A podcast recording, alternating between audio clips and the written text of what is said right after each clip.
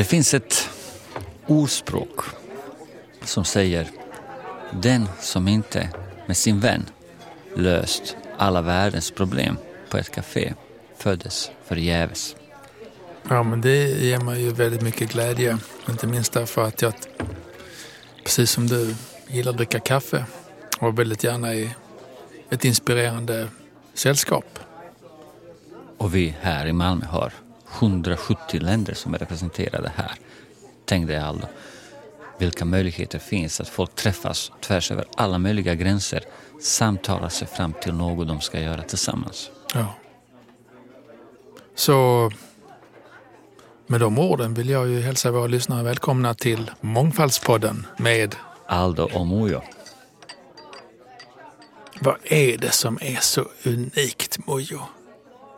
Jag menar, vi har ju hört talas om eh, Berlusconi och vi har hört talas om eh, Gert Wilders i Holland och vi har hört talas om andra. Och en av de här eh, politikerna som jag tänker på är ju då Trump. Vad är det som är, är det något unikt med honom i så fall vad? Jag tror inte det. Och det handlar inte som du säger också om, om personer utan de personifierar eh, en rörelse och ett behov. Så det är bättre att prata just om detta behov och denna rörelse. Och den första faktorn handlar om människan och människans eh, grundläggande villkor och den andra handlar om samhällsvillkor. Vi alla har en inneboende potential att vara egoistiska, själviska, avundsjuka, dominanta, arroganta och att vara dess motsatser. Det kan man kalla som, eller för människolivets axiom. Och just då, när vi har det här eh, människolivets axiom att vi kan göra gott och ont oavsett vilka vi är, alla vi, och har stora samhällsförändringar, så kommer några populister, som du nämnde, som Berlusconi på sin tid, Pol Pot, Stalin, Hitler, som erbjuder enkla lösningar på stora samhällsproblem. Och dessa lösningar handlar om alltid samma sak. Svartvita världsbilder, sektaktiga förhållningssätt, halvsanningar eller manipulation och underhållande information. Och framförallt så pekar de på en grupp som då bär skulden för alla dessa stora samhällsproblem. Och så är det de som inte passar in i vår livsstil. Och det är de som vi projicerar vårt missnöje. Hur ser du, Aldo, på just detta behov av att ha starka, auktoritära, populistiska ledare som ofta kommer med någon slags demagogi? Ja, det finns ju nog eh, två spår i det.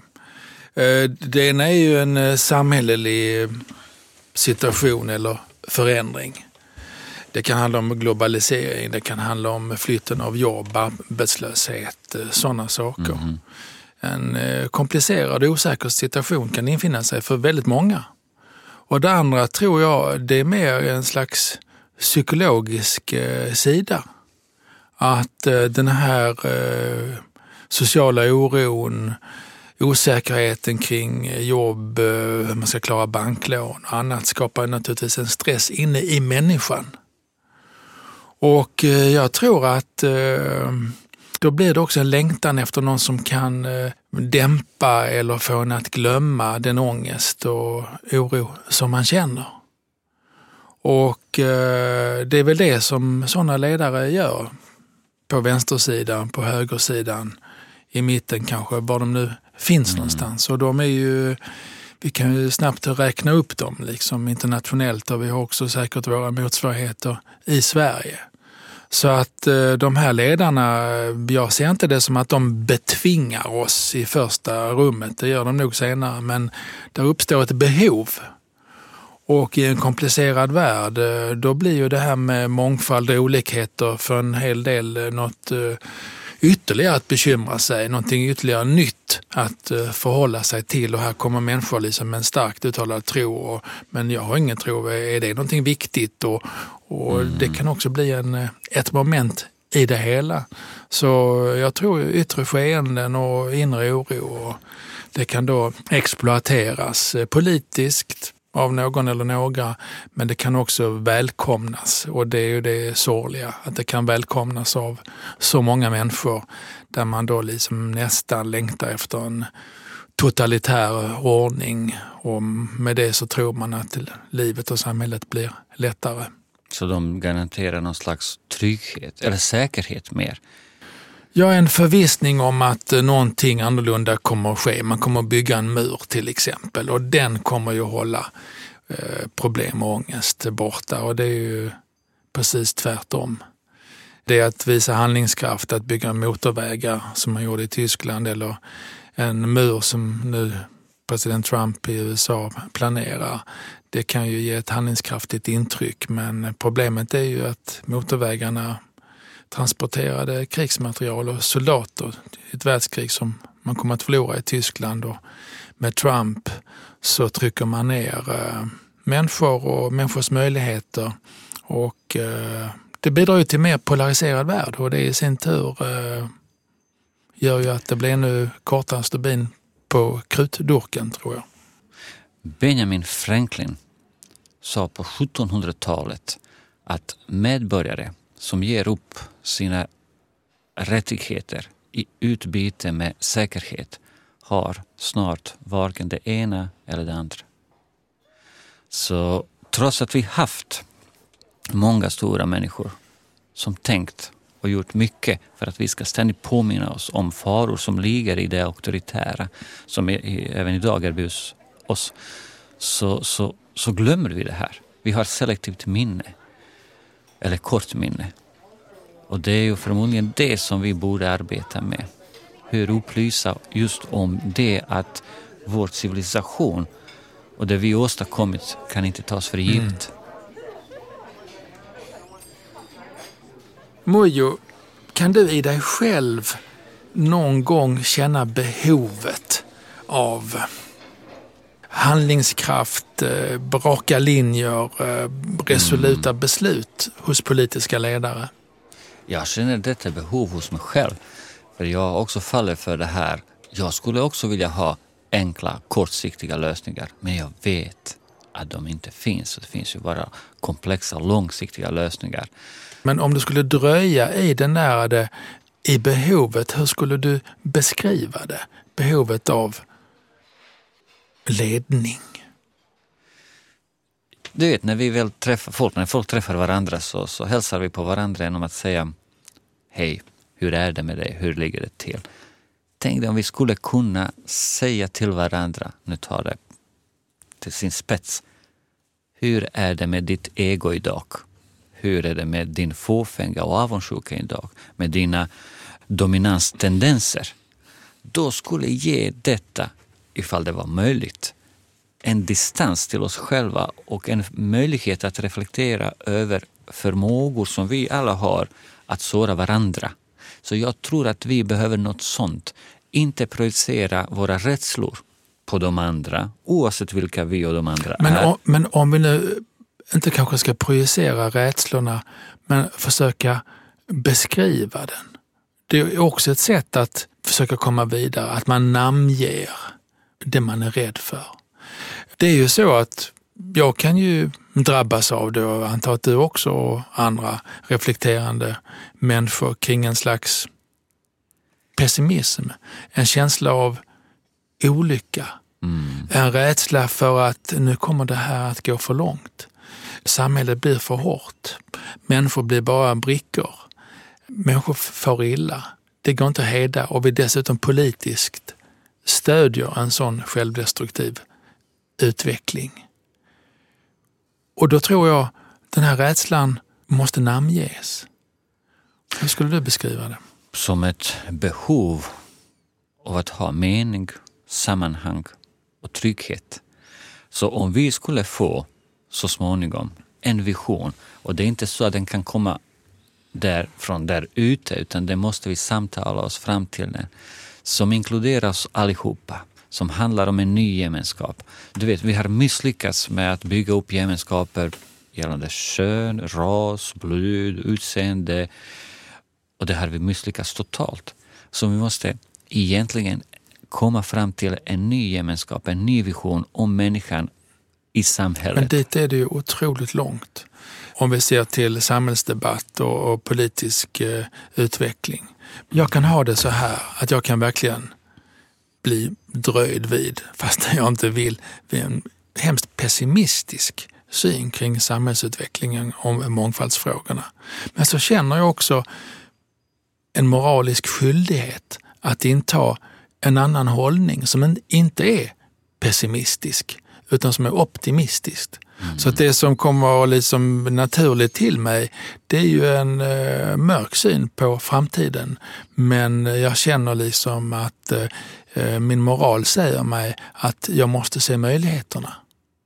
Och det är någonting som eh, jag tror är är viktigt för vi hör ju media dundra undergångsvisioner med hänsyn till miljöfrågor, globalisering, allt möjligt. Politiken exploaterar också människors rädsla. Det är så man säljer sina partiprogram. Invandringen är ett hot och så vidare. Och så vidare va?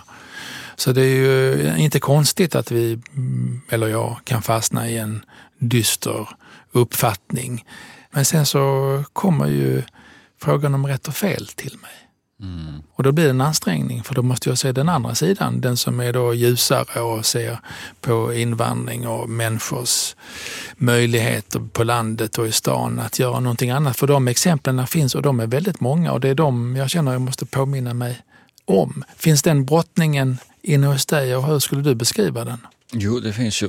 Jag hade två två sidor i mig. Så, eh, en som är lite pessimistisk och en som är lite optimistisk. Och så till slut så blir jag och definierar mig själv som possibilist. Där jag får ser, det är ingen idé att spela flöjt om du har en hel mässingorkester emot dig. Och det är lite pessimistiskt. Sen kommer det här optimistiska från ett afrikanskt ordspråk som säger om du tror att du är för liten för att förändra världen, försök somna med en mygga i rummet. Och just de två bilderna, det går inte och det går. Så, så brottas jag hela tiden med. Och sen när jag var liten så läste jag eh, Khalil Gibran, en libanesisk amerikansk poet och författare som fängslade mig med, med en mening som jag då anammade som mitt motto. Han säger, håll mig borta från den visdom som inte gråter, den filosofi som inte skrattar och den storhet som inte bugar sig inför barn. Mm. Och det har jag haft. Ja, visst, när man ser det klart, visdom säger det här blir inte bra, men vi måste ha en livsfilosofi som skrattar, som ger hopp. Vi har ju ansvar för de som kommer efter oss. Vi måste göra något. Vi mm. måste försöka i alla fall, som man säger, rädda världen ja. genom små lagningar av den. För inte så länge sedan så var det ju många också inom politiken som såg möjligheter i mångfaldssamhället och bejaka av olika tillhörigheter och identiteter. Men nu, nu upplever vi hur de mörka molnen hopar sig på himlen. Det är val i Holland, det är val på andra ställen, där vi har en president i USA som alla angriper och väljer just mångfaldssamhället som slagfält.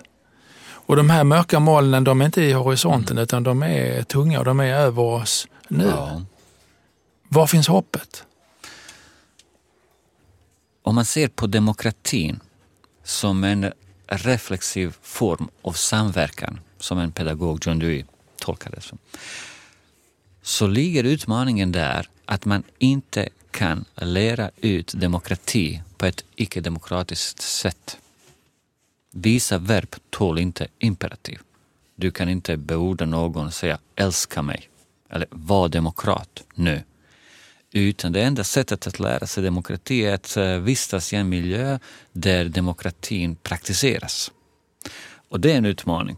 Att denna demokrati inte förbjuder populism, demagogi, fördomar, myter och stereotyper.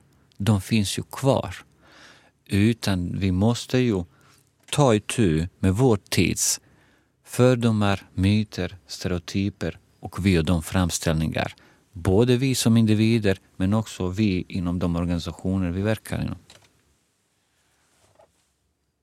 Men detta, Mujo, det är ju en idévärld. Mm. Den omfattar, omfattar i alla fall dig och mig. Och det, mm. Vi behöver verkligen påminnas om, om, om det du beskriver och du beskriver det på ett väldigt fint sätt.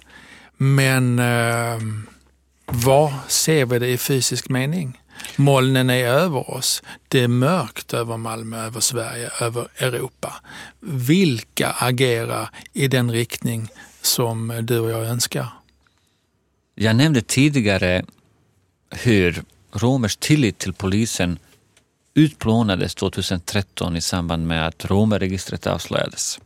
Men det vi gjorde då, att vi från centret tog kontakt med polisen, med dåvarande länspolismästare i Skåne län, Claes Johansson, polismästare i Malmö, Ulf Sempert, där vi tillsammans med dem och romer kom överens om ett avtal, en handlingsplan som hette Tillit, tillhörighet och ansvar, där vi skulle under ett antal år mötas och diskutera utmaningar och möjligheter i det mångkulturella Sverige och skulle också jobba med att definiera varandra på ett annat sätt. För beroende på hur vi definierar varandra och bemöts utifrån denna diskussion så skapar vi antingen flera möjligheter eller hinder. Har du några exempel på just när krafterna samlas och gör något gott för samhället och visar att det är möjligt att leva tillsammans, att det är möjligt att vinna över de mörka krafter.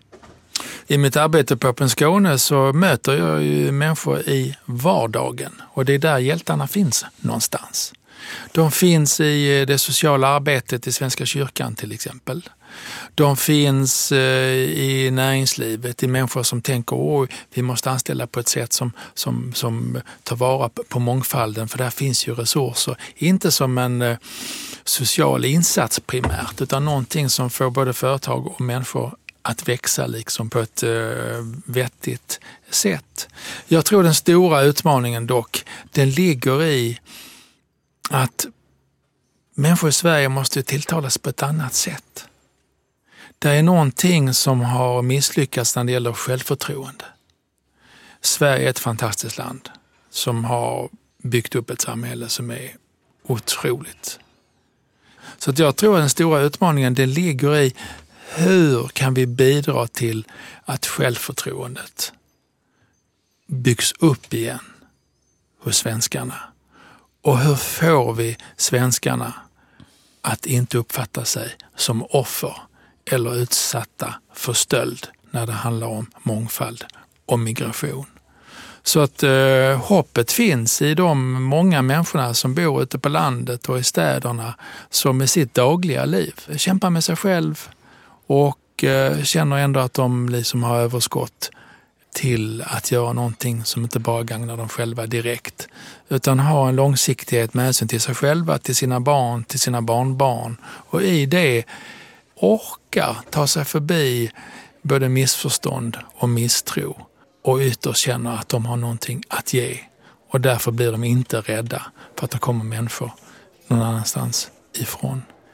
Då talar inte jag eller vi om de politiska ledarna som Trump mm. och så.